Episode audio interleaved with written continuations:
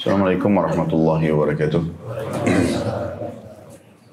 Alhamdulillah. Tidak pernah lisan kita berhenti memuji sang pencipta Allah. Sebagai seorang muslim kita sangat yakin. Kalimat la ilaha illallah, la ma'budu bihaqqin illallah. Tidak ada Tuhan, pencipta, pemilik, penguasa, yang menghidupkan, yang mematikan, yang menggantikan siang dan malam. Baik di langit maupun di bumi kecuali Allah. Dan Allah telah memudahkan kita agar memenuhi segala kebutuhan kita dengan cara menikmati dan bersyukur atau berterima kasih. Dan kalimat syukur itu diringkaskan di satu kalimat yang semua orang bisa mengucapkan. Alhamdulillah.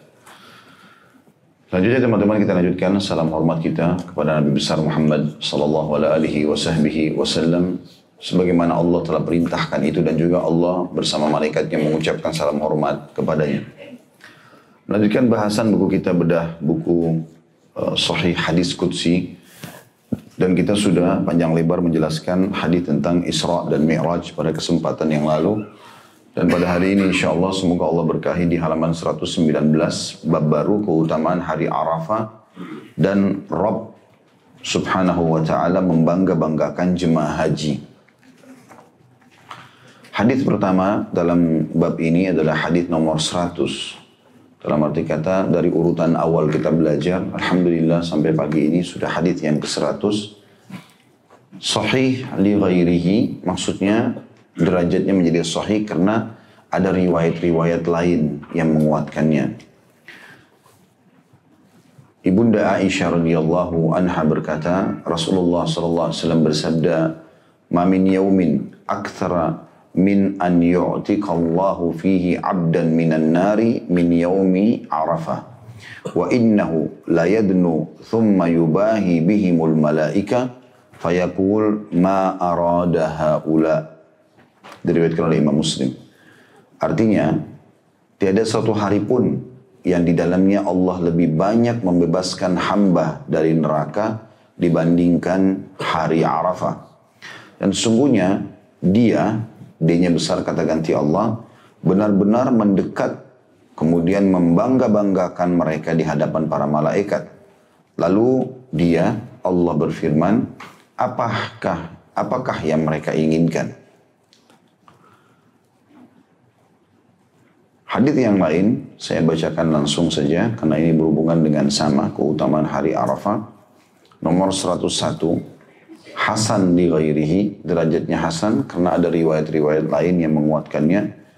Dari Jabir Jabir bin Abdullah radhiyallahu anhu dia menuturkan Rasulullah SAW bersabda ma min ayyamin indallahi afdalu min ashri dhil hijjah qala faqala rajulun ya Rasulullah hunna afdalu au adaduhunna jihadan fi sabil hunna afdalu am adaduhunna jihadan fi sabilillah قالهن أفضل عددهن جهادا في سبيل الله وما من يوم أفضل عند الله من يوم عرفة. ينزل الله تبارك وتعالى إلى السماء الدنيا فيباهي بأهل الأرض أهل السماء فيقول انظروا إلى عبادي جاءوا شؤثا غبر جاءوا جاءوا شؤثا غبرا. حاجين جاءوا من كل فج عميق. yarjuna rahmati ولم يروا azabi falam yura yaumun أكثر atiqan minan النار min yaumi عرفة. Artinya, tiada hari di sisi Allah yang lebih utama daripada 10 hari awal bulan Zulhijjah. Maka Jabir radhiyallahu anhu bertanya dan berkata, ses, uh, maaf, dia berkata, seseorang bertanya, "Wahai Rasulullah, apakah hari itu lebih utama ataukah banyaknya orang yang berjihad di jalan Allah?" Maka beliau SAW bersabda, hari itu lebih utama daripada banyaknya orang yang berjihad di jalan Allah. Tidak ada suatu hari yang lebih utama di sisi Allah daripada hari Arafah.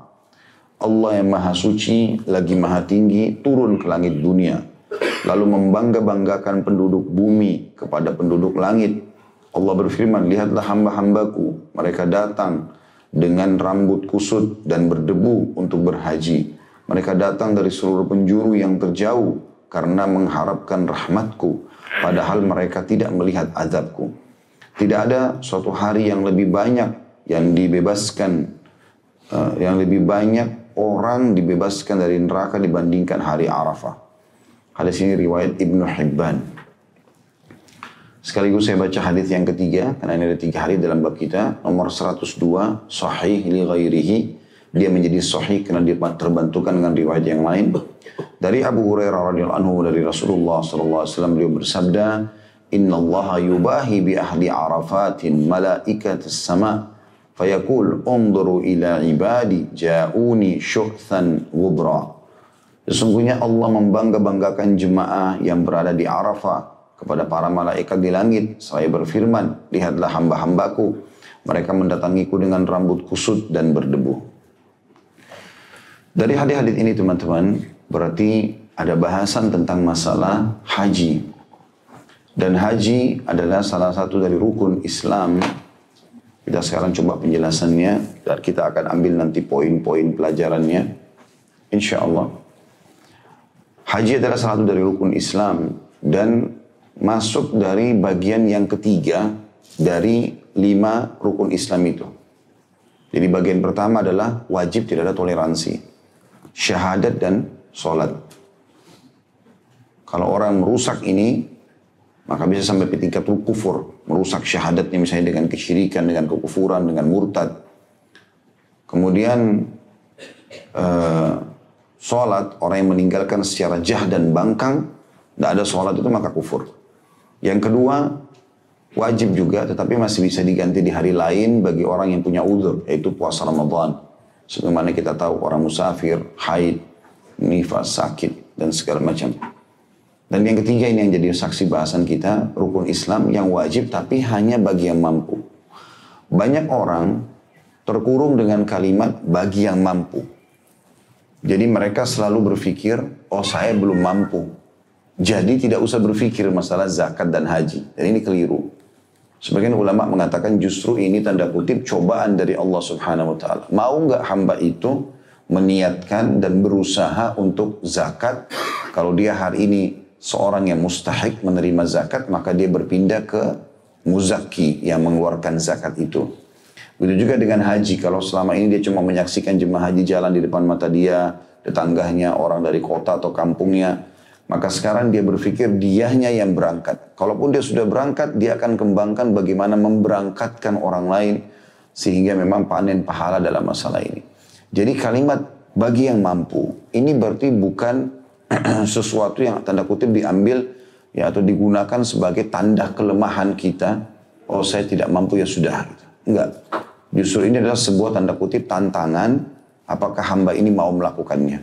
Karena cukup banyak praktek lapangan pada saat seseorang itu berniat, bertekad. Sebagaimana Allah subhanahu wa ta'ala mengatakan, Fa'idha azamta fatawakkal Allah. Kalau kau bertekad maka tawakallah kepada Allah. Nanti dia coba berusaha, maka Allah akan penuhi. Berapa banyak orang yang tadinya mau niat zakat, akhirnya Allah buka, berikan dia usaha kecil-kecilan sampai hanya dia bisa mengeluarkan zakat dalam hidupnya.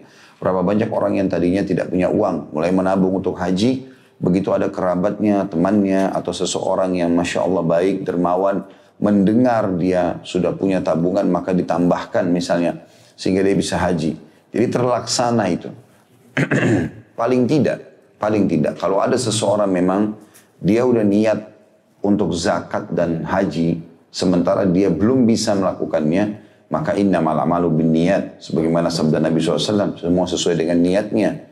Kalau dia sudah niat mau zakat, dia niat mau haji, kemudian dia meninggal sebelum itu, maka dia sudah mendapatkan pahalanya. Dia sudah mendapatkan pahalanya. Sebagaimana hadis yang sering kita ucapkan dari awal bahasan kita, kata Nabi SAW, Man hamma bihasanatin walam ya'amalha, kutiba lahu ya, hasanatun kamilah. Kalau dia niat atau kalau seseorang hamba niat mengerjakan satu perbuatan baik, baru niat sholat malam, baru niat sholat duha, baru niat puasa sunnah, baru niat sedekah, baru niat haji, zakat, dan seterusnya, maka dicatatkan baginya pahala lengkap. Kalaupun dia belum kerjakan. Misal dia kebablasan tidur sampai pagi, dia tidak sempat sholat tahajud di malam. Tapi sudah niat sebelum tidur, dapat. Fa'in amilaha kutibalahu ashru al-dha'afiha ila sabami ad-du'fin. Kalau dia kerjakan kebaikan yang dia niatkan tadi, maka akan dicatatkan baginya 10 eh, kali lipat, bahkan sampai 700 kali lipat. Tergantung kadar keikhlasannya. Jadi jangan luput masalah ini. Sebagian salaf mengatakan, aku berharap memiliki niat di semua amal soleh walaupun aku belum sempat melakukannya. Jadi jangan kita justru mengharamkan diri kita dari pahala hanya mengatakan, oh saya tidak mampu, saya tidak akan bisa. Enggak. Kalau Allah berikan kita kesempatan, peluang, saya akan lakukan. Dengan bertekad seperti itu, Allah akan berikan pahala tentunya. Itu satu sisi. Sisi yang lain, haji memang adalah salah satu ibadah yang sangat ditekankan. Bahkan salafus soleh menjadikannya sebagai ibadah rutin tahunan. Yang wajib yang pertama, sisanya sudah menjadi sunnah. Dalam arti kata dia wajib mengerjakan sekali seumur hidup. Gitu kan. Tapi kalau dia sudah kerjakan yang kedua, yang ketiga, yang ke seratus, yang keberapa yang Allah mudahkan buat dia, maka itu sudah jadi hukum sunnah. Tetapi para salafus saleh memang mengulang-ulanginya karena ingin mengejar keutamaannya. Bahkan mereka menjadikan haji itu adalah ajang untuk berkumpul. Atta bin Abi Rabah rahimahullah salah satu ulama tabi'in yang masyhur. Sampai waktu Abdullah bin Umar radhiyallahu anhu datang ke Mekah, Lalu banyak penduduk Mekah mengelilingi, uh, mengelilingi Abdullah Umar untuk bertanya. Maka Abdullah Umar berkata, sungguh aneh sikap kalian hai penduduk Mekah. Kalian datang bertanya kepada aku sementara di sisi kalian ada Atta bin Abi Rabah. Maksudnya sudah ada ulama kalian. Itu itu sebuah rekomendasi dari seorang sahabat kepada muridnya. Bin Abi Rabah adalah orang yang sangat soleh. Tidak ada yang tidak tidak ada yang pungkiri kesolehannya. Kalau orang baca tentang kisah kisah-kisah kehidupan beliau rahimahullah. Beliau itu Allah kasih umur 70, eh, 100 tahun dan 70 kali haji. Artinya 70 tahun itu terulang-ulang haji terus. Dan ini sekaligus bantahan bagi orang yang mengatakan haji cuma sekali saja. Karena kan Nabi haji cuma sekali. Nabi SAW haji sekali karena memang setelah itu beliau meninggal dunia. Andai saja beliau masih hidup sebagaimana sabda beliau, kalau saya masih hidup tahun depan, saya akan ikutkan begini dan begitu. Ini beliau akan kerjakan haji itu. Gitu kan? Jadi bukan tolak ukur itu. Makanya para sahabat, bahkan ummahatil mukminin, istri-istri Nabi yang masih hidup setelah Nabi SAW meninggal, mereka melakukan haji berulang-ulang setelah Nabi SAW meninggal. Jadi ini bukan hujah, bukan alasan. Saya kemarin baru balik bimbing umrah, ada jemaah saya yang mengatakan, Ustaz, ada sebagian orang yang mengatakan umrah jangan diulang-ulangi. Cukup sekali saja, uangnya lebih baik dikasih ke fakir miskin misalnya. Saya bilang itu bertolak belakang dengan hadis Nabi. Yang kami tahu adalah hadis Nabi, al-umratu ilal umrah umrah ke umrah setelahnya. Mukaffiratun lima bainahunna idza syunibatil kabair akan menjadi pembersih di antara keduanya kalau dosa-dosa besar dijauhi. Kenapa Nabi bilang umrah ke umrah? Berarti kan ada perintah untuk mengulanginya. Jadi jangan jadikan alasan dan teman-teman kalau kita punya peluang untuk mengerjakan sekian banyak perbuatan amal soleh dalam waktu yang seketika bersamaan, kerjakan semuanya. Jangan selalu mengatakan saya umur atau saya sedekah. Ya umur dengan sedekah, gitu kan. Kenapa harus pertemukan antara ini sama itu? Seperti sering ada juga yang bertanya, mana yang saya dahulukan? Akikah atau saya berkurban? Kalau memang betul bertepatan hari ketujuhnya bayi itu pas memang hari kurban, misal, ya udah mungkin kita dahulukan akikah karena itu kewajiban, gitu kan. Sementara kurban sunnah muakkadah. Tetapi kurban punya empat hari. Ada hari nahar, hari Idul Adha, ada hari tasyrik. 11, 12, 13 kita punya empat hari. Kalau kita akikah misalnya pas kena Idul Adha, berarti kita masih punya hari tasyrik. Kenapa haramkan diri kita dari sedekah ini? Gitu kan? Jadi sebaiknya jangan mempertemukan dengan dua hal seperti ini kecuali memang darurat, memang nggak ada pilihan lain. Saya harus begini atau begini, itu lain. Tapi kalau dia masih bisa melakukannya, maka semestinya dia melakukan karena peluang-peluang amal soleh ini tentu belum tentu terulang teman-teman sekalian. Kapan kita bisa mendapatkan kesempatannya, jangan disia-siakan.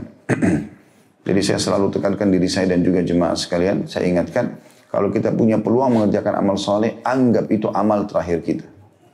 Jangan sia-siakan. Kita bisa sempat umroh, sempat haji, sempat sedekah, sempat hadir majelis ilmu. Jangan ditunda. Karena kita nggak tahu apakah kita masih hidup setelah itu. Banyak orang subhanallah tidak sangka ajalnya datang. Bahkan kata Nabi Wasallam, kalau Allah menca ingin mencabut ruh seseorang di sebuah tempat yang Allah sudah takdirkan, maka Allah buat dia punya hajat di situ. Kalau dia sudah baik selama ini, Allah tutup dengan kebaikan. Misalnya dihadiri majelis ilmu, ya dia uh, lagi apalah bersedekah, dia lagi puasa, dia lagi sujud, dia lagi sholat malam, dia lagi tawaf dan seterusnya. Begitu juga dengan orang yang terbiasa dengan amal buruk, Allah tutup hidupnya dengan itu. dia mabuk, meninggal dalam keadaan mabuk, apalah segala macam tabrakan, berkelahi sama temannya dan segala macam hal seperti itulah. Teman-teman sekalian, haji ini memiliki uh, beberapa rukun Ya, tentu sudah masyhur masalah itu adalah umroh, eh, seperti mirip umroh. Dia berihram, niat tentunya, niat dulu. Kemudian ihram, kemudian tawaf, ya. Kemudian sa'i, kemudian tahallul setelah itu, lalu hadir di Arafah. Nah yang kita ingin beratkan di sini adalah masalah hadir di Arafahnya. Jadi kalau teman-teman lagi haji, haji itu enam hari. Hari pertama namanya hari Tarwiyah, tanggal 8 Zulhijjah. Ini sudah pernah saya titip beratkan, cuma saya ingatkan kembali. Jadi kalau teman-teman mau haji melalui sebuah travel, pastikan tanya, tanggal 8 Zulhijjah masuk ke Mina nggak? Walaupun ini sunnah ya, tetapi ditekankan sekali untuk hadir, namanya hari Tarwiyah. Tanggal 8 Zulhijjah. Jadi 6 hari itu 8 sampai 13. 8, ya, tanggal 8, 9, 10, 11, 12, 13. 6 hari. Nah hari pertama haji tanggal 8 Zulhijjah dan hari terakhir hari tasyrik tanggal 13 adalah sunnah. Empat hari ini yang wajib, 9, 10, 11, 12. Ya. Nah tanggal 8-nya itu dikenal dengan hari tarwiyah, jemaah haji disunnahkan, bukan wajib. Tapi sayang kalau nggak pergi, karena banyak jemaah haji cuma tinggal di hotel, di apartemen. Sayang dia nggak pergi. Gitu kan. Nah ini masuk di Mina, kemudian di sana kerjanya sholat duhur di waktu duhur, Ya, kemudian asar di waktu asar, kemudian maghrib di waktu maghrib, isya di waktu isya, ya nginap sambil berzikir, baca Quran, berdoa segala macam. Besoknya tanggal 9 masuk di hari wajibnya haji. Ini dikenal dengan hari Arafah. Mulai terbit matahari atau waktu duha, ya sampai menjelang, eh, mulai waktu duha atau menjelang duhur sampai menjelang maghrib atau menjelang uh, ya pas maghrib lah ya. Kita tidak boleh tinggalkan Arafah sebelum terbenam matahari. Nah ini hari wajibnya. Ini yang sedang dibahas keutamaannya di sini. Kata Nabi SAW, Al-Hajju Arafah. Haji itu adalah Arafah. Harus hadir di situ. Jadi biar orang sakit dibawa pakai ambulan oleh pemerintah Saudi, walaupun lagi diinfus, dimasukkan di Arafah dengan dipakaikan ihram. Karena mereka kalau hadir di sini berarti dianggap sudah haji. Itu juga sholat duhur asar, tapi ini di jama, duhur asar di jama, ditakdim di waktu duhur, dua rakaat dua rakaat, kemudian uh, apa namanya menunggu sampai terbenam matahari. Nah selepas asar sampai terbenam matahari ini waktu mustajab doa. Tadi dikatakan Nabi SAW kalau tiba hari Arafah beliau ya apa namanya beliau berdoa mengangkat tangannya sampai kelihatan putih ketiaknya alaihissalam berdoa tidak menurunkan sampai terbenam matahari. Malamnya tanggal 9 itu jemaah haji ke Musdalifah. Lokasi ini biasanya tidak ada kemah buat kita karena hanya mampir saja. Biasanya banyak jemaah kita hanya di bus saja tanggal 9 ini sampai lewat pertengahan malam mereka lalu pindah ke ibadah yang lainnya. Ya, bisa mengerjakan pada saat itu tawaf ifadah atau tawaf wajibnya haji ya. Kemudian tanggal 10 hari Idul Adha itu jemaah haji rame-rame ke Mina. Ini empat hari ini ke Mina semua ini. Hari pertama tanggal 8 Mina, hari uh, ketiga, tepatnya tanggal 10, 11, 12, 13. Jadi hari ke 3, 4, 5, 6, semuanya itu nginapnya di Mina. Cuma bedanya di uh, tanggal 10 ini mereka mengerjakan jumroh akabah atau melontar uh, besar. Ya akabah itu sebenarnya bukit yang menukik atau agak tinggi sedikit yang orang bisa naik ke atasnya diistilahkan dengan akabah. Melontar pada saat itu tujuh butir batu Kemudian nginap di Mina, sholatnya duhur asar jama. Kemudian 11, 12, 13 ini sudah pakai baju biasa karena setelah jumroh yang di hari Idul Adha itu sudah boleh cukur rambut pakai baju biasa. Seperti baju kita sekarang, kita tinggal di kemah Mina. Kerja kita 11, 12, 13 itu melontar. Tapi di tiga hari ini kecil, sedang, besar. Kecil, sedang, besar, kecil, sedang, besar gitu. Nah tanggal 13 ini adalah sunnah. Tanggal 12 banyak orang keluar dari dari dari Mina dengan alasan buru-buru untuk menyelesaikan ibadah haji. Dan ini sayang sekali. Allah menyebutkan lima nittaqa. Bagi siapa yang lebih bertakwa, maka sebagian dia tinggal sampai tanggal 13. Itu ringkasannya tentu tentang masalah haji. Teman-teman bisa ikuti ada manasik khusus yang pernah sudah kami sampaikan di YouTube. Masalah haji ini panjang lebar. Dan sudah pernah dibedah juga di uh, kajian Bulughul Maram, di Minhajul Muslim. Saya sudah pernah bedah khusus masalah haji ini tentunya teman-teman sekalian. Nah kita fokus sekarang ke bahasan masalah hari Arafah itu, keutamaannya. Ya, nanti akan dibahas di tiga buah hadis ini akan kita rincikan insya Allah. Itu kurang lebih uh, pembukaan daripada bahasan tiga buah hadis ini tentang masalah haji itu sendiri. Baik, sekarang kita coba uh, bedah tentunya teman-teman di hadis pertama dulu nomor 100. Dari sabda Nabi SAW, Ma min yaumin akthara min an yu'tiqallahu fihi abdan minan nari min yaumi arafah. Tidak ada satu hari pun yang di dalamnya Allah lebih banyak membebaskan hamba dari neraka dibandingkan hari Arafah. Ini dikasih angka satu, jadi kita ambil pelajaran pertama. Pertanyaan di sini, apa yang dimaksud dengan pembebasan api neraka? Ada sebuah hadis yang menjelaskan kepada kita, kata Nabi SAW, tidak ada seorang pun di antara kalian kecuali memiliki tempat di surga dan tempat di neraka.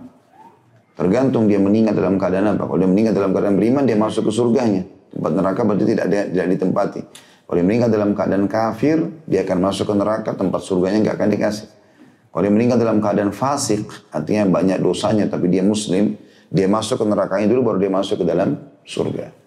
Yang dimaksud dengan pembebasan dari api neraka adalah mirip dengan hadis eh, Nabi Alaihissalam tentang eh, Ramadan yang Nabi SAW mengatakan Sesungguhnya di bulan Ramadan Allah memiliki hamba-hamba yang dibebaskan dari api neraka dan itu terjadi di setiap malam dari malam-malam Ramadan. Makna dibebaskan kata sebagian ulama hadis adalah dihapus namanya. Jadi nggak ada lagi namanya di neraka.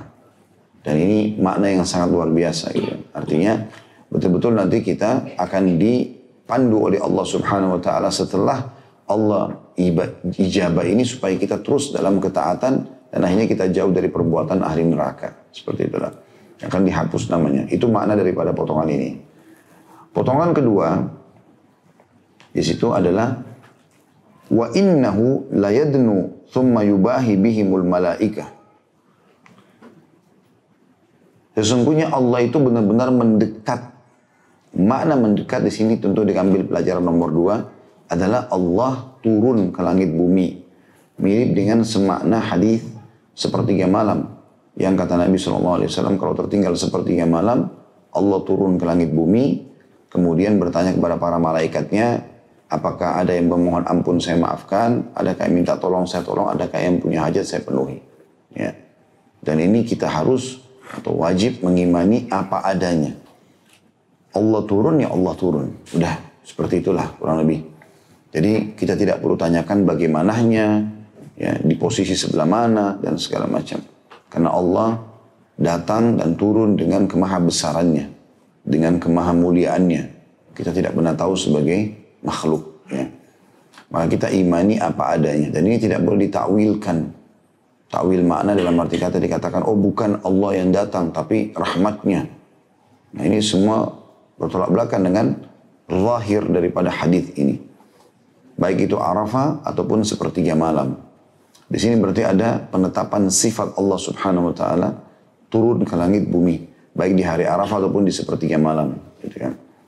Kemudian juga ada penentuan sifat Allah yang lain yubahi bihimul malaika membanggakan hamba-hamba di depan para malaikat.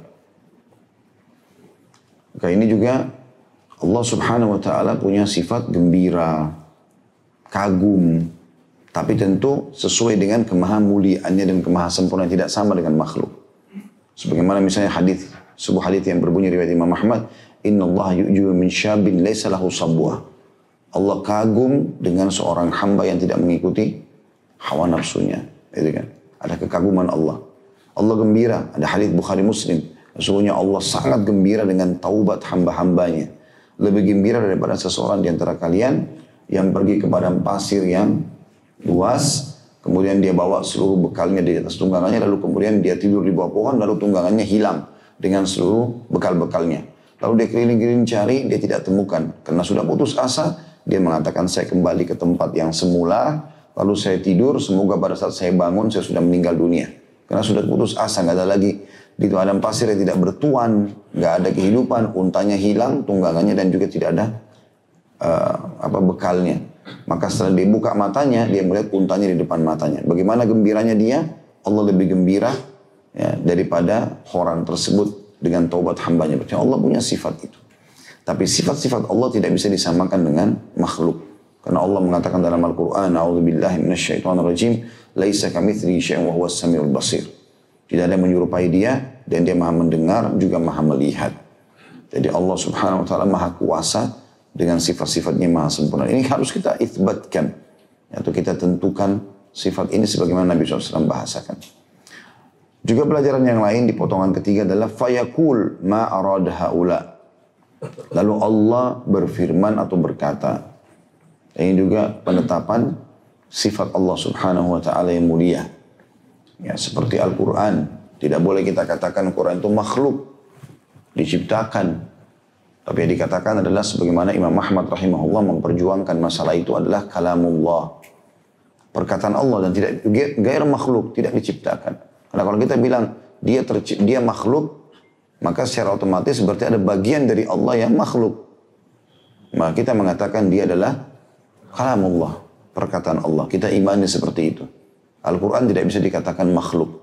Dan ini yang diperjuangkan oleh Imam Ahmad rahimahullah sampai sekian tahun disiksa ya, oleh khalifah pada saat itu dan para tokoh-tokoh Mu'tazilah atau faham Mu'tazilah yang mengatakan Quran itu makhluk. Dan ini penetapan ya, sifat Allah Subhanahu wa taala yang mulia, Allah itu berbicara. Dalam hadis yang lain kata Nabi SAW, Allah ber, eh, Nabi SAW mengatakan tidak ada seorang pun di antara kalian kecuali akan berbicara berdua sama Tuhannya tanpa ada penterjemah. Di hari kiamat nanti Allah akan tanya hambanya, kenapa kau lakukan ini, kenapa kau lakukan ini, kenapa kau lakukan itu, dan seterusnya. Ya, seperti itulah. Ini potongan hadis yang pertama. Kita masuk ke hadis yang 101 kita tentu dikasih angka keempat, maksudnya pelajaran keempat yang kita bisa ambil dari hadis adalah ma min ayyamin indallahi afdalu min ashri hijjah. Tidak ada hari-hari lebih utama di sisi Allah dibandingkan 10 awal bulan Zulhijjah. Ya, jadi hadis ini mirip dengan hadis Bukhari Muslim yang lain. Ini juga sudah pernah kita sampaikan yang kata Nabi SAW, Ma min ayyamin al-amalu salihu fihi ahabu ilallah min hadil ayyam ya'ni al-ashr. Tidak ada hari-hari sepanjang tahun di mana Allah lebih cintai amal-amal yang dikerjakan dalam ini dibandingkan yang dikerjakan di 10 awal bulan Zulhijjah. Sampai para sahabat mengatakan, walal jihadu fisabilillah ya Rasulullah. Jihad pun wahai utusan Allah tidak bisa menyamai pahala yang dikerjakan di, di 10 awal Zulhijjah. Walaupun itu amal sunnah. Kata Pak Nabi SAW, walal jihadu fisabilillah. Jihad pun belum bisa menyamai amal yang dikerjakan di 10 awal bulan Zulhijjah. Illa rajulun kharaja binafsi wa mali wa ram yarji bidzalika bisyai. Kecuali seorang laki-laki yang keluar membawa seluruh harta dan jiwanya, kemudian dia tidak membawa pulang keduanya. Artinya dia habiskan seluruh harta yang diinfakkan di medan jihad, dia pun mati syahid, baru sama pahalanya dengan orang yang berbuat amal sunnah di 10 awal bulan Zulhijjah. Maka itu keutamaan tertentu. Baik Eh, kita mengerjakan ibadah haji dan ini adalah puncak ibadah yang terbaik di 10 awal bulan Zulhijjah atau kita berpuasa selama 9 harinya kalau tidak bisa minimal hari Arafah bagi yang sedang tidak hadir di haji tanggal 9 Zulhijjah atau Anda memperbanyak takbir, tahlil, tasbih ya, selama 13 hari dari tanggal 1 sampai tanggal 13 karena sampai hari akhir hari tasyrik disunnahkan untuk bertasbih, bertakbir dan seterusnya. Maksud dalamnya adalah amar berkurban di Idul Adha 10 awal 10 Zulhijjah sampai tanggal 13 Zulhijjah. Maksud dalamnya sholat Idul Adha yang Allah gabungkan antara kurban sampai Idul Adha dalam firman-Nya, "Fasalli li rabbika wanhar." Salatlah untuk Tuhan Muhammad Muhammad Idul Adha itu dan berkurbanlah setelahnya. Seperti itulah. Ini semua amal-amal yang sangat baik yang dimulia yang mulia dikerjakan pada saat itu. Lalu dikatakan ini masih lanjutan di poin keempat ya. Hunna afdalu am adaduhunna jihadan fi sabilillah. Seseorang bertanya, wahai Rasulullah, apakah hari itu lebih utama ataukah banyaknya orang yang berjihad di jalan Allah? Maksudnya, mana lebih besar pahalanya? Kita beramal soleh selama 10 hari itu, Zulhijjah, dengan amal apa saja, kayak baca Quran, zikir, berdoa, segala macam. Mana lebih baik itu atau orang berada di medan jihad selama 10 hari itu?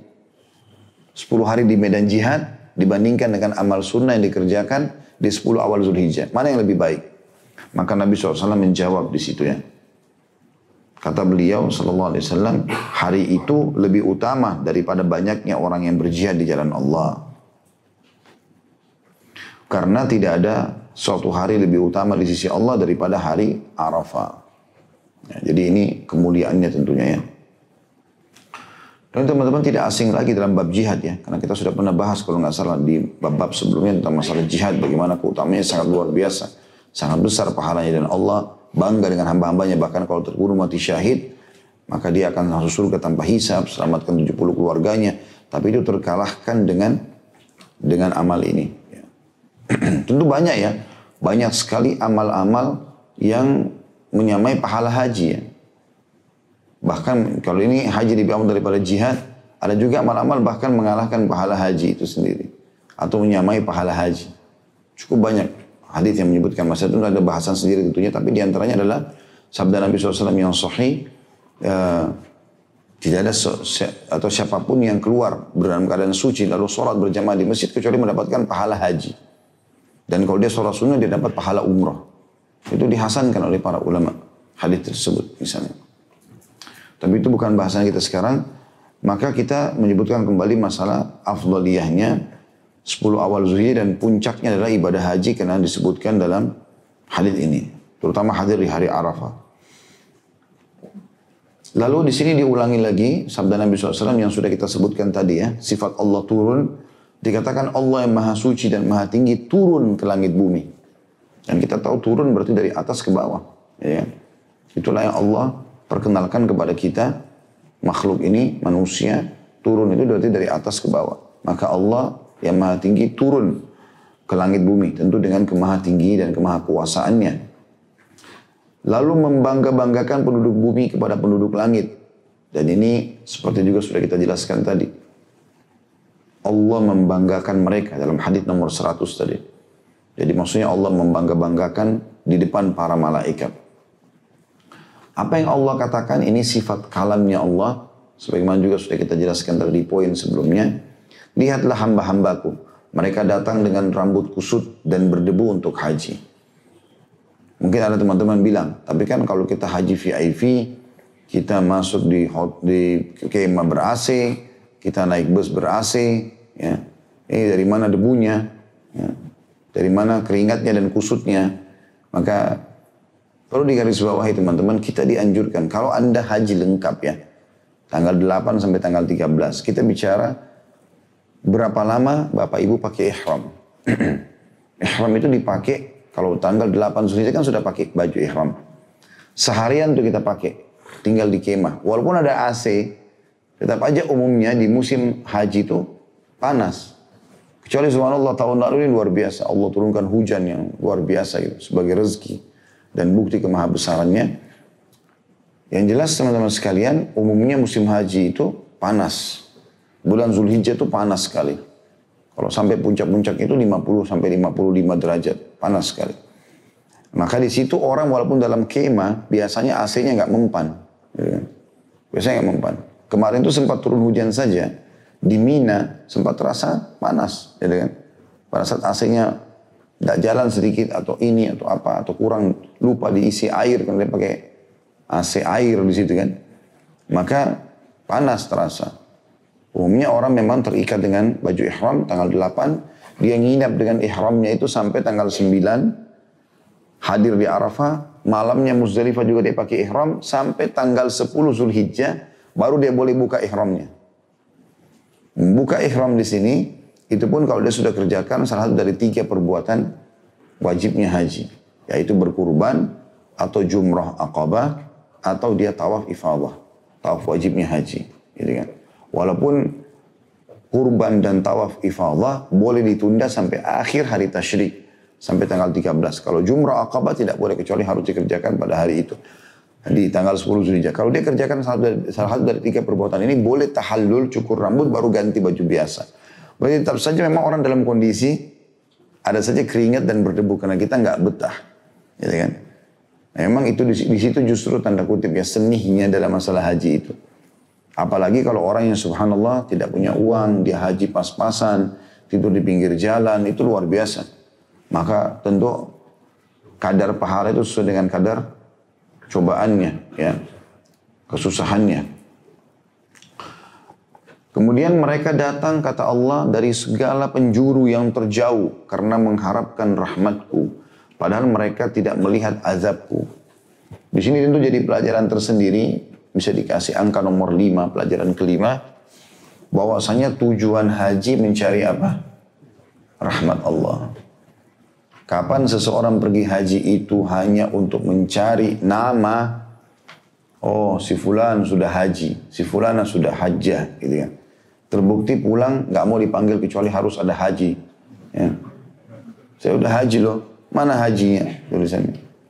Dan ini bahaya sekali dekat dengan ria. Ini saran saya saja, bukan melarang, tapi kalau bisa jangan pakai gelar haji itu. Itu bukan gelar yang harus dipasang. Pernah nggak teman-teman baca riwayat haji Abu Bakar? Abu Bakar radhiyallahu anhu sahabat Nabi. Haji Umar, Haji Uthman. Kan mereka haji kan? Kenapa tidak ada sahabat yang menukil itu? Kan mestinya harus ada, kan mereka semua sudah pernah haji. Bahkan yang wilayah Nabi Muhammad SAW, Haji Muhammad misalnya. Tapi enggak. Kenapa mereka tidak lakukan? Karena itu memang bukan gelar. Saya tidak tahu kenapa di Indonesia dijadikan sebagai gelar gitu. Bahkan masuk di KTP. Haji ini. Ada yang orang masuk di ijazah, masuk sertifikat. Untuk apa? Untuk menunjukkan kalau saya pernah haji, ibadah. Sunnah Nabi SAW ibadah itu disembunyikan, dirahasiakan. Kata Nabi SAW, Inna Allah dalam hadis riwayat Muslim, Inna Allah yujibu, eh, Inna Allah yuhibbu taqiyul ghaniyul khafi. Allah cinta sekali dengan hamba yang taqi, suka patuh, tunduk kepada Allah. Gani, kaya dan suka bersedekah, kemudian dia khafi, suka merahasiakan ya, amalnya. Kalau orang lihat ya sudah, tapi dia tidak sengaja pamerkan. Ini kan bahaya sekali. Ya, sama juga ulama menegur bagi orang yang mati syahid. Seringkali di zaman kita sekarang ditulis as-syahid fulan bin fulan. Saya pernah lihat cuplikan begitu, ada beberapa orang terbunuh di Palestina. Kemudian ditulislah as-syahid fulan bin fulan. Kita belum pernah dengar ada bahasa ini digelarkan kepada Hamzah, pada Mus'ab, radhiyallahu anhu Ini sahabat-sahabat mulai mati di mati di Uhud, gitu kan. Mati di Uhud. Syuhada Badar juga begitu. Sahabat-sahabat yang meninggal di perang Mu'tah, tiga sahabat mulia, Zaid bin Thabit, uh, Zaid bin Haritha, ya, Zaid bin Haritha, kemudian Ja'far bin Abi Talib dan juga Abdullah bin Rawaha radhiyallahu anhu. Ini ada kuburannya di Mu'tah, di wilayah Jordania. Maka ini orang-orang mulia tidak pernah ada gelar Nabi bilang sebutkanlah Asy-Syahid Ja'far bin Abi Talib, Asy-Syahid Hamzah, Asy-Syahid Musa tidak pernah ada itu. Maka ini gelar-gelar lebih baik dihindari. Karena memang dalam syariat kita tidak ada masalah itu kan. Antara dia sama Allah subhanahu wa ta'ala. Para salafus soleh teman-teman pergi umroh, pergi haji, pergi nggak ada yang tahu. Pulang pun nggak ada yang tahu. Kecuali emang orang yang ketemu sama dia. Atau mungkin di zaman kita sekarang, zamannya orang harus mungkin memberitakan kalau dia punya uh, travel, dia harus beritakan mungkin. Tapi kalau lagi tawaf, tunggu-tunggu sebentar, saya angkat tangan, foto dulu. Menghadap Ka'bah. Untuk apa ini? Supaya saya katakan dia berdoa. Padahal dia tipu dirinya sendiri juga tidak lagi berdoa. Gitu kan. Supaya kelihatan gitu. Maka ini lebih dekat kepada ria. Maka di sini tujuannya adalah kalau mau dibanggakan oleh Allah SWT depan para malaikat, diterima hajinya, mengharapkan rahmatku. Bukan karena nggak enak sama atasan yang aja, bukan karena mengelar, mengejar nama, bukan karena mau pamer-pamer misalnya, bukan segala macam. Itu harus jauh semua. Ya, makanya Allah mengatakan dalam Al-Quran, A'udzubillahi minasyaitonirrajim, wa atimul haji wal umrata lillah. Sempurnakanlah haji dan umrah, umrah itu karena Allah. Gak ada yang lain. Transaksi beli barang segala macam, ketemu kerabat itu nomor ke 100 sekian. Nomor satunya adalah karena Allah subhanahu wa ta'ala. Lalu Allah di sini menekankan, jadi ini ada istilah dalam agama kita, khauf dan roja. Takut terhadap adab Allah dan raja berharap rahmat Allah. Ini ahli sunnah wal jamaah menjadikannya sebagai sebuah tolok ukur dalam ibadah. Kita harus ibadah diikuti dengan dua hal ini. Khauf, rasa takut, jangan sampai Allah hukum kita, jangan sampai pahalanya kurang sehingga kita melakukan maksimal. Dan roja berharap Allah agar Allah terima amalnya. Kita berada di antara keduanya. Ini diambil dari potongan hadis ini ya. Mereka datang dari seluruh penjuru yang terjauh karena mengharapkan rahmatku, berarti rojanya dan juga padahal mereka belum pernah melihat azabku. Nanti mereka takut disiksa masuk neraka. Ada banyak orang di Arafah berdoa, Ya Allah masukkan aku ke dalam surga. Padahal belum pernah lihat surga. Gitu kan? Berarti memang berharap rahmat Allah. Ya Allah jauhkan aku dari api neraka, jangan siksa aku. Nangis, nangis. Padahal dia belum pernah lihat neraka. Gitu kan? Maka ini menandakan memang ibadah itu diikuti dengan dua sifat ini atau dua hal ini. Kemudian potongan yang terakhir dari hadis yang nomor 101 ini sudah kita jelaskan tadi ya. Tidak ada suatu hari yang lebih banyak orang dibebaskan dari api neraka dibandingkan hari Arafah. Sudah kita jelaskan tadi, dibebaskan maksudnya dihapus namanya. Ya. Dalam arti kata dengan izin Allah subhanahu wa ta'ala setelah itu Bapak Ibu akan lebih rajin beribadah kepada Allah sehingga jauh dari api neraka.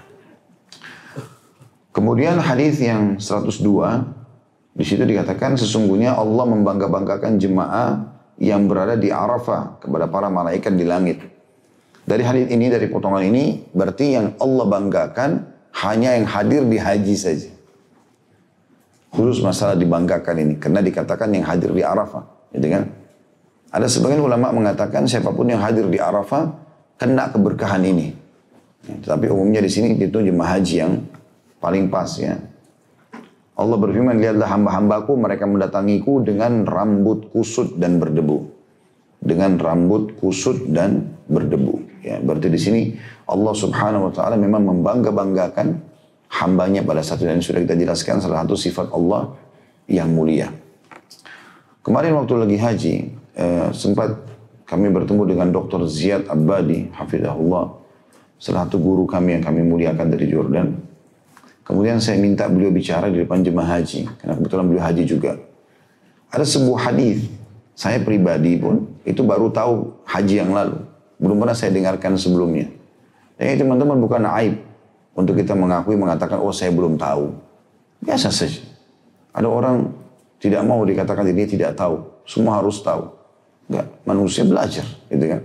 Manusia belajar. Umar bin Khattab radhiyallahu anhu pernah kedatangan. Umar bin Khattab ini Pernah kedatangan di zaman khilafahnya beliau, ada orang datang ketuk pintu rumahnya, dia lagi istirahat atau lagi sholat sunnah, intinya siang hari lagi datang, diketuk sekali, Umar masih sibuk, belum sempat buka dua kali, tiga kali orang ini ketuk, lalu pulang tiba-tiba. Umar bin Khattab selesai hajat, jadi buka pintu, tanya tetangganya, siapa tadi datang? Kata tetangganya, si Fulan, orang Ansar gitu. Maka kata Umar, saya harus tahu kenapa dia tinggalkan rumah saya. Harusnya dia tunggu gitu. Kalau ini ada perintah dari Nabi SAW, dipanggillah orang itu. Kenapa kau tinggalkan rumah saya? Mbak Umar memang menyisikan waktu di waktu itu, silakan yang punya keluh kesah datang. Gitu kan. Kenapa kau pulang? Enggak tunggu saya. Padahal saya ada dalam rumah. Kata orang itu, saya mendengar Nabi SAW bersabda, kalau seseorang di antara kalian datang ke rumah saudaranya, kemudian dia ketuk sampai tiga kali tidak bibukakan, pulanglah. Karena biasanya saudaranya tidak mau ditemui atau lagi sibuk, gitu kan. Udah selesai, ketuk tiga kali pulang adabnya begitu. Kata Umar, siapa yang menjadi saksi atas perkataan ini? Maksudnya, ada nggak orang lain selain kau yang pernah dengar Nabi ucapkan ini? Kata dia, ada. Dipanggillah beberapa orang, mungkin lebih dari 10 orang jadi saksi pada saat itu. Maka Umar akhirnya menerima hadis tersebut. Padahal beliau mertua Nabi, hampir tiap hari sama Nabi. Masih ada yang belum didengar gitu. Itu bukan aib. Gitu kan. Itu bukan aib. Bahkan penuntut ilmu harusnya bisa lebih apa namanya lapang dada, menerima masukan, ya memperbaiki kekurangan-kekurangan itu semua adalah hal yang positif. Justru dari situ kita belajar.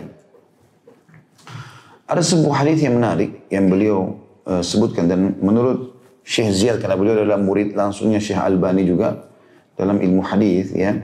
Maka beliau mengatakan hadis ini dihasankan oleh para ulama. Bunyinya itu begini. Ya, saya langsung terjemahkan saja dari Anas sahabat Rasulullah SAW radhiyallahu anhu dia berkata pernah satu waktu saya duduk bersama Rasulullah SAW di masjid Al Khif ya. Jadi ini di daerah uh, Ar, uh, Mina sana. Uh, maaf di Masyairil Haram ya. Fa'atahu maka ada seseorang laki-laki dari Ansar datang. Dan seseorang dari suku Thaqif.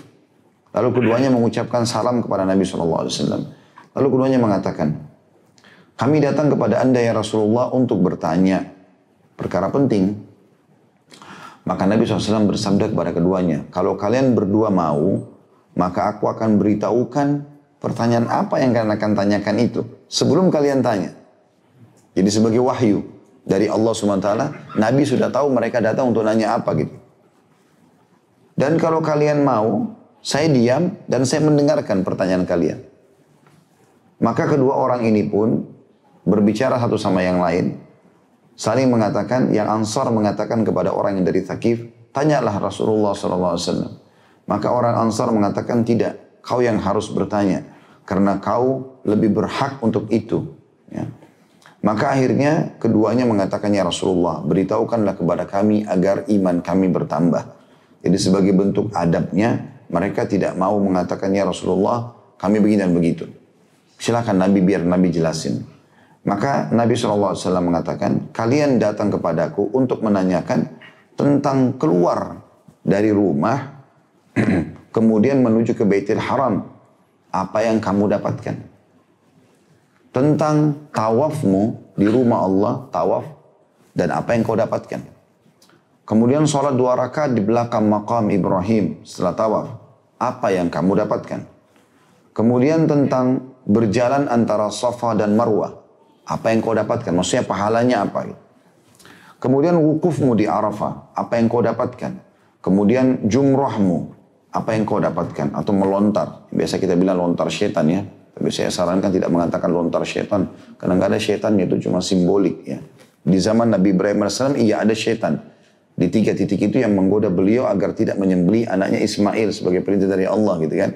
Tapi itu sudah menjadi simbolik sekarang.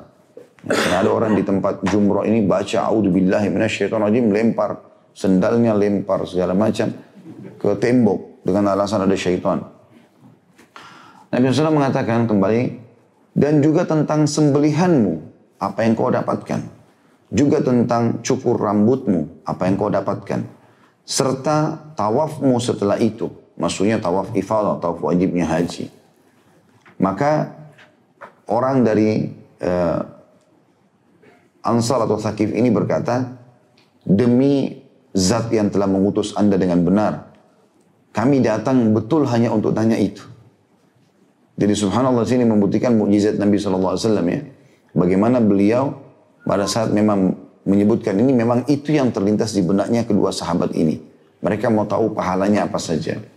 Lalu Nabi SAW jelaskan, mulailah satu persatu.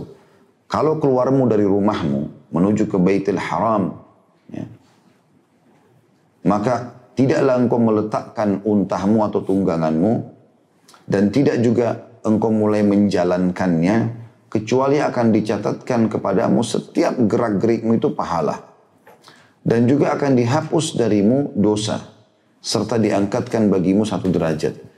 Jadi kalau mulai kita naik mobil ke bandara, kalau zaman dulu orang naik unta, mulai untanya ditaruh perlengkapan perlengkapannya, pelananya apalah. Kemudian jalan, semua itu setiap langkah untahnya pun dicatat pahala. Seperti kita. Ya, luar biasa ini kalau kita Allah punya kuasa menghitung pahala terbangnya pesawat 9 jam ke Jeddah. Belum lagi satu jam atau satu jam setengah masuk ke Mekah. Itu kan. Itu pahalanya luar biasa. Kita sudah tidak tahu bagaimana hitungannya lagi gitu kan. Tapi kuasa Allah menghitung masalah itu. Kalau tentang sholatmu setelah tawaf. ya Maka ketahuilah dia pahalanya sama dengan bebasin budak dari anak Ismail. Kalau jalanmu antara Safa dan Marwah, maka sama dengan membebaskan 70 budak pahalanya. Artinya satu kali sa'i dari Safa ke Marwah seperti bebasin 10 budak. Marwah ke Safa 10 budak. Jadi tujuh kali itu 70 budak dibebasin. Sementara kamu duduk dan wukuf di Arafah, sesungguhnya Allah turun ke langit bumi pada saat itu, lalu membanggakan kalian di depan para malaikat dan Allah berfirman, Lihatlah hamba-hambaku itu. Mereka datang dalam kondisi kusut, penuh dengan debu dari semua tempat-tempat yang jauh. Mereka mengharapkan rahmatku dan pengampunanku. Kalau seandainya mereka memiliki dosa sejumlah ramal, ramal itu pasir, debu, ya, atau seperti bui di lautan, pasti akan aku ampuni. Ini luar biasa nih perkataan firman Allah Subhanahu wa taala. Ya. Falau dzunubuhum adadar rimal atau adadar ramal au kazub uh, kazabdil bahri lagafartuha. Lalu Allah berfirman kepada mereka, maka ketahuilah hamba-hambaku semua yang hadir di Arafah pada saat itu, aku telah mengampuni dosa-dosa kalian. Dan siapa pun yang kalian berikan syafaat. Maksudnya siapa pun yang didoakan. Jadi kalau teman-teman doakan siapa pun pada saat lagi haji, maka Allah pun menerimanya. Selama permintaan itu baik. Karena orang biasa bilang doain saya di sana ya, nah, itu boleh. Ditipin doa. Maka itu juga orang yang haji dalam hal ini dinyatakan akan diijabah doanya baik buat dirinya ataupun buat orang lain. Sementara lontaran jumrahmu, kata Nabi SAW, maka engkau akan dapat dari setiap batu yang kau lemparkan pengampunan dosa besar. Dari dosa-dosa besar yang membinasakan. Karena ada hadis Nabi SAW yang berbunyi ada tujuh induk dosa besar yang membinasakan kan syirik, durhaka sama orang tua, sihir, membunuh, zina, riba, gitu kan? Lari dari kancah peperangan. Ini dosa-dosa, induk dosa-dosa besar. Itu membinasakan, artinya menyulitkan orang. Dia akan sedih, dia akan susah hidupnya dan segala macam. Dalam taubat pun dia akan butuh proses melewati masa-masa pembersihan itu. Tapi subhanallah jumrah, batu kerikil kecil yang kita lempar, itu sudah cukup setiap batunya mengampuni satu dosa besar itu. Jadi kita kan lempar tujuh butir tuh di hari Idul Adhanya, hari Nahar. Di hari tasyriknya 11, 12, 13, 21 batu. 21 batu di hari 11, tanggal 11, ya kecil sedang besar, 21 di hari 12, 21 di hari 13. Makanya orang yang tinggalkan buru-buru Mina dengan disilakan nafar awal ini ruginya luar biasa. Luar biasa. 21 dosa besar masih bisa diampuni di hari 13. Ngapain ke apartemen ini? Ngapain ke hotel gitu? Duduk di situ. Keringat-keringatan gak masalah. Tuh tinggal satu hari. Mungkin itu amal ibadah terakhir. Dari mana kita tahu? Mahal bayarnya, longin waktu buru-buru keluar. Mau apa ini? Langsung dari situ ke bandara. Kenapa pekerjaan penting? Apa yang penting? Dibandingkan berlepas dari api neraka, ada yang lebih penting dari itu? Aneh betul. Hanya karena mau meeting sama si fulan, hanya karena ini dan itu. Tunda hari satu hari setelahnya, kenapa nggak bisa? Harusnya bisa. Waktu untuk Allah harus dilowongkan. Sementara kurbanmu, kata Nabi SAW, maka akan tersimpan untukmu di sisi Tuhanmu. Dan mencukur rambutmu. Ini yang luar biasa juga potongannya. Wa amma hilaku ra'sik. Fabikulli sya'ratin halaktaha hasanah di setiap satu helai rambut yang kau potong, satu pahala. Ya. Dan wayamhu angka biha khati'ah. Dan akan dihapuskan satu dosa. Ini yang sering saya tekankan, terutama bapak-bapak ini. Kalau lagi umroh, lagi haji, gundul. Gundul. Berkorban untuk Allah SWT. Kalau hanya cukur, maka sedikit rambutnya. Gundul dari seluruh penjuru kepala. Berapa helai rambut ini? Untuk kita sendiri tidak bisa hitung rambut kita. Karena banyaknya. Setiap satu helai rambut, satu pahala dan satu diampuni satu dosa. Kenapa nggak dilakukan ini? Apalagi ada sahabat yang sudah bertanya sebelumnya. Yang mengatakan, ya Rasulullah, bagaimana pahalanya orang yang cukur saja? Kan Nabi bilang, gundullah rambut kepala kalian. Lalu mereka ada yang mengatakan, ya Rasulullah, orang yang cukur. Kata Nabi SAW, semoga Allah merahmati orang yang gundul. Rahmat berarti kasih rezeki yang besar, karunia. Ya kan? Orang itu bilang, ya Rasulullah orang yang cukur. Semoga Allah merahmati orang yang gundul. Dia ulang lagi tiga kali, ya Rasulullah orang yang cukur. Semoga Allah merahmati orang yang gundul. Tiga kali. Yang keempat orang ini masih ngotot, dia bilang, ya Rasulullah orang yang cukur. Kata Nabi, semoga Allah merahmati orang yang cukur. Jadi yang cukur cuma sekali, dapat doa rahmat. Yang gundul, tiga kali. Sampai kadang-kadang saya godain jemaah umrah atau jemaah haji saya. Baru rambut pak. Belum Allah minta darah, udah nggak mau gundul. Alasannya pulang Indonesia malu. Kalau kita pulang, gun, kalau kita gundul karena kriminal, wajar malu. Pulang haji umroh malu. Apa? Bahkan banyak yang Masya Allah yang tidak pernah gundul sebelumnya. Ustaz, saya belum pernah gundul seumur hidup, baru kali ini. Alhamdulillah bagus, coba. Saya juga ingatkan ibu-ibunya ini. Kadang-kadang kalau lagi umroh atau haji itu. Ingat ibu-ibu jangan malah godain suaminya. Uh jeleknya karena gundul. ya. Justru puji dia. Gitu kan? Harusnya begitu, didukung. Seperti itulah. Karena setiap rambut itu Satu pahala.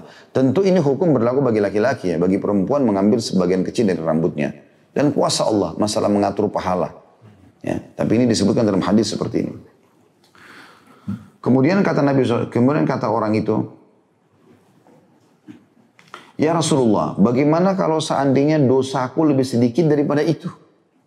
Kan tadi banyak sekali pembersihannya tuh. Setiap rambut dapat pembersihan. Bagaimana kalau dosaku lebih sedikit dari itu? Kata Nabi SAW, akan dicatatkan bagimu dalam bentuk pahala. Dan ketahuilah, tawafmu di rumah Allah setelah itu, maksudnya tawaf ifadah ya, tawaf wajibnya haji, maka itu menjadi penyebab bersihnya semua dosa-dosamu dan akan datang malaikat meletakkan sayapnya ya, sambil berkata, berbuatlah untuk masa depanmu karena masa lalumu sudah dimaafkan semua. Dan sekali lagi hadis ini dihasankan oleh para ulama hadis sebagaimana disampaikan oleh guru kami tadi saya katakan uh, tadi. Dan ini keutamaan yang luar biasa gitu. Saya pun baru mendengarkan masalah ini ya. Tapi akhirnya saya berpikir untuk menerjemahkan karena kita sedang membahas masalah hari Arafah ini. Allah a'lam. Baik begitu saja teman-teman sekalian, kurang sudah setengah 12 ya. Saya juga harus persiapan untuk tablik akbar di Blok M. Kalau ada yang mau hadir silahkan. Kita ada serial sahabat sebentar lagi duhur sampai asar. Kalau ada benar dari Allah, kalau salah dari saya mohon dimaafkan. Subhanakallahumma bihamdika. Asyadu an la ilaha illa anta astaghfiruka wa atubu ilaik. Wassalamualaikum warahmatullahi wabarakatuh.